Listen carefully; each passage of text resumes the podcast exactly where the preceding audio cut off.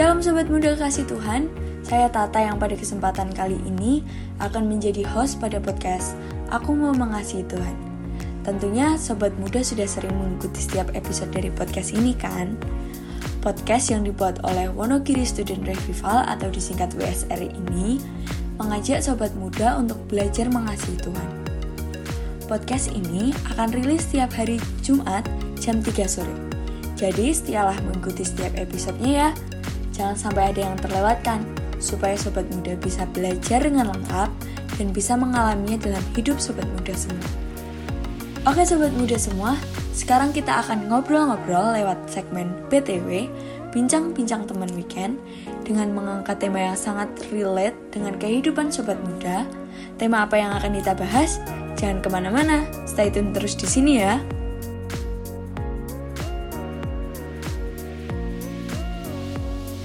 Halo Sobat Muda, bagaimana pergaulan Sobat Muda selama ini? Di BTW kali ini, kita akan bersama-sama belajar mengenai pergaulan yang buruk. Saat ini saya sudah bersama tamu kita, kita sapa dulu ya. Halo Mbak Arum, apa kabar? Senang sekali kita bisa berbincang bersama hari ini. Halo Tata, puji Tuhan kabar saya baik dan senang sekali juga bisa berbincang-bincang dengan Tata. Kalau kabar Tata bagaimana? Puji Tuhan Mbak Arum, kabar saya juga baik. Oh iya, Sobat Buddha dan Mbak Arum, minggu kemarin kita sudah belajar kebiasaan buruk. Sudahkah Sobat Muda mengurangi kebiasaan yang tidak membangun? Mendata kebiasaan tersebut dan meminta Tuhan Yesus untuk menyelesaikan. Nah, Sobat Muda, Ternyata kebiasaan seseorang itu juga bisa dipengaruhi oleh pergaulan. Tanpa kita sadari, teman-teman yang kita miliki itu mempengaruhi kebiasaan, perilaku, bahkan pandangan kita terhadap banyak hal. Memiliki pertemanan atau pergaulan yang toksik dan buruk tanpa kita sadari sangat berpengaruh. Seperti teman berkata kotor, tanpa kita sadari kita ikut. Teman suka gosip, kita juga ikut. Dan banyak hal. Untuk itu, seberapa penting sih Mbak bagi anak Tuhan untuk memilih dalam pergaulan? Wah, benar sekali Tata. Kadang kebiasaan kita bisa dipengaruhi oleh pergaulan dan tidak semua pergaulan itu baik. Ada yang buruk juga. Nah, untuk itu, bagaimana ya firman Tuhan mengenai prinsip pertemanan? Mari kita bersama-sama lihat dari 1 Korintus 15 ayat 33. Saya bacakan ya. 1 Korintus 15 ayat 33. Janganlah kamu sesat. Pergaulan yang buruk merusakkan kebiasaan yang baik.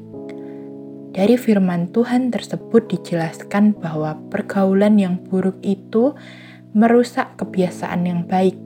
Dari sini menunjukkan bahwa sebuah kebiasaan yang baik saja bisa rusak karena pergaulan yang buruk.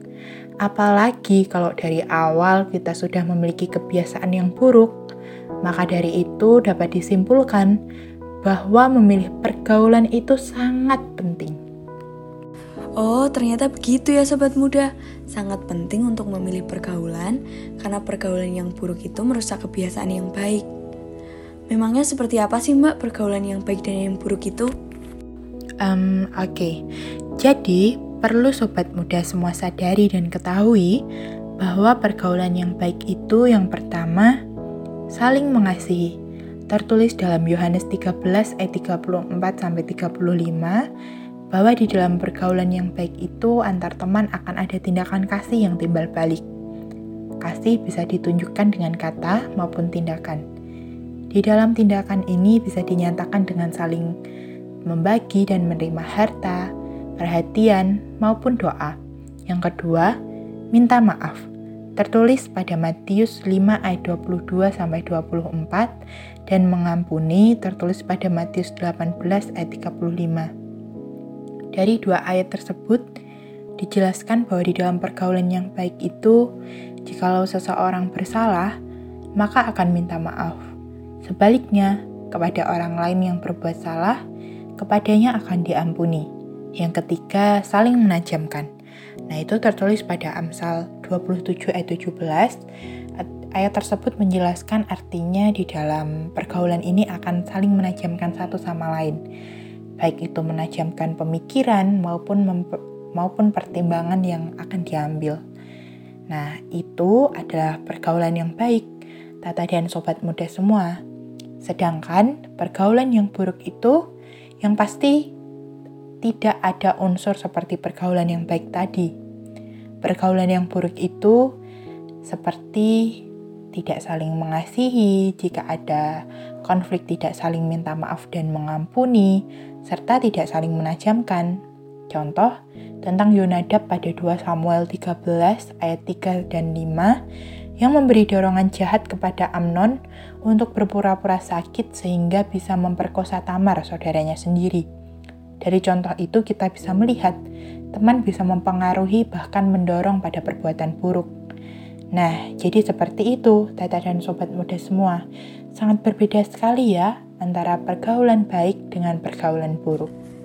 Ya, setuju sekali Mbak kalau pergaulan baik dan buruk itu sangat berlawanan serta berbeda. Lalu bagaimana ya Mbak cara kita bisa menghindari pergaulan yang buruk dan memiliki pergaulan yang baik? Begini, Tata dan Sobat Muda semua. Pada dasarnya, pergaulan itu bisa dipilih. Kita bisa menentukan akan memiliki pergaulan seperti apa. Tapi kembali lagi, sebagai anak Allah, kita perlu melihat firman Tuhan berbicara bagaimana terhadap pilihan pergaulan ini. Tertulis pada Amsal 4 ayat 14 sampai 15, kita bisa memilih untuk tidak mengikuti pergaulan dengan orang fasik. Artinya, kita bisa memiliki batasan sejauh apa akan bergaul dengan kelompok orang yang memiliki pergaulan yang buruk ini. Contoh, semisal ada komunitas pertemanan di sekolah atau kampus yang terbiasa merokok, komunitas teman yang suka belanja berlebihan, komunitas teman yang suka gibah, komunitas teman yang menghabiskan waktu untuk ngegame atau hobi, komunitas teman yang main terus harian dan kadang pulang malam. Nah, Tata dan sobat muda semua, di sini bukan berarti kita tidak boleh mengenal atau bergaul dengan kelompok semacam ini. Tuhan Yesus pun bergaul dengan orang berdosa untuk bisa menyatakan kasih sehingga mereka bertobat. Namun, kita perlu tahu batasan-batasannya. Selain itu, juga penting sekali kita memiliki pergaulan yang bertumbuh. Tertulis dalam Ibrani 10 ayat 24 sampai 25 dijelaskan bahwa perlu untuk kita mendekatkan diri dengan komunitas yang membangun. Jangan sampai kita malah menjauhkan diri dari pergaulan yang baik ini. Kira-kira di mana ya kita bisa menemukan pergaulan yang baik ini? Apakah harus dalam komunitas yang bernuansa rohani? Tata dan sobat muda semua ternyata tidak menjamin jika pergaulan baik itu hanya ada di dalam bentuk komunitas yang bernuansa rohani. Kita dapat mengetahui komunitas itu baik atau tidak semata-mata dari buah kehidupan orang-orang di dalamnya Buah kehidupan itu mencerminkan ciri-ciri dari pergaulan baik, seperti memiliki kasih, saling mengampuni, saling menajamkan, dan hidup dalam ketaatan. Bukan kegiatan-kegiatannya saja, bahkan termasuk kegiatan persekutuan atau pelayanan pun belum tentu menjamin bahwa pergaulan orang-orang di dalamnya baik. Jadi, Begitu, Tata dan Sobat Muda semua yang bisa kita lakukan untuk menghindari pergaulan yang buruk dan memiliki pergaulan yang baik. Wah, menarik sekali ya Mbak Arum dan Sobat Muda semua. Ternyata kita perlu memiliki batasan-batasan dalam pergaulan dan penting memiliki pergaulan yang baik serta bertumbuh. Selain itu, untuk mengetahui baik tidaknya pergaulan, dilihat dari buah kehidupan orang-orang di dalamnya. Terima kasih ya Mbak Arum untuk sharingnya dan kebersamaannya dalam podcast kali ini. Tuhan memberkati Mbak Arum. Terima kasih kembali Tata. Tuhan memberkati Tata dan sobat muda semua. Sampai jumpa di lain waktu ya.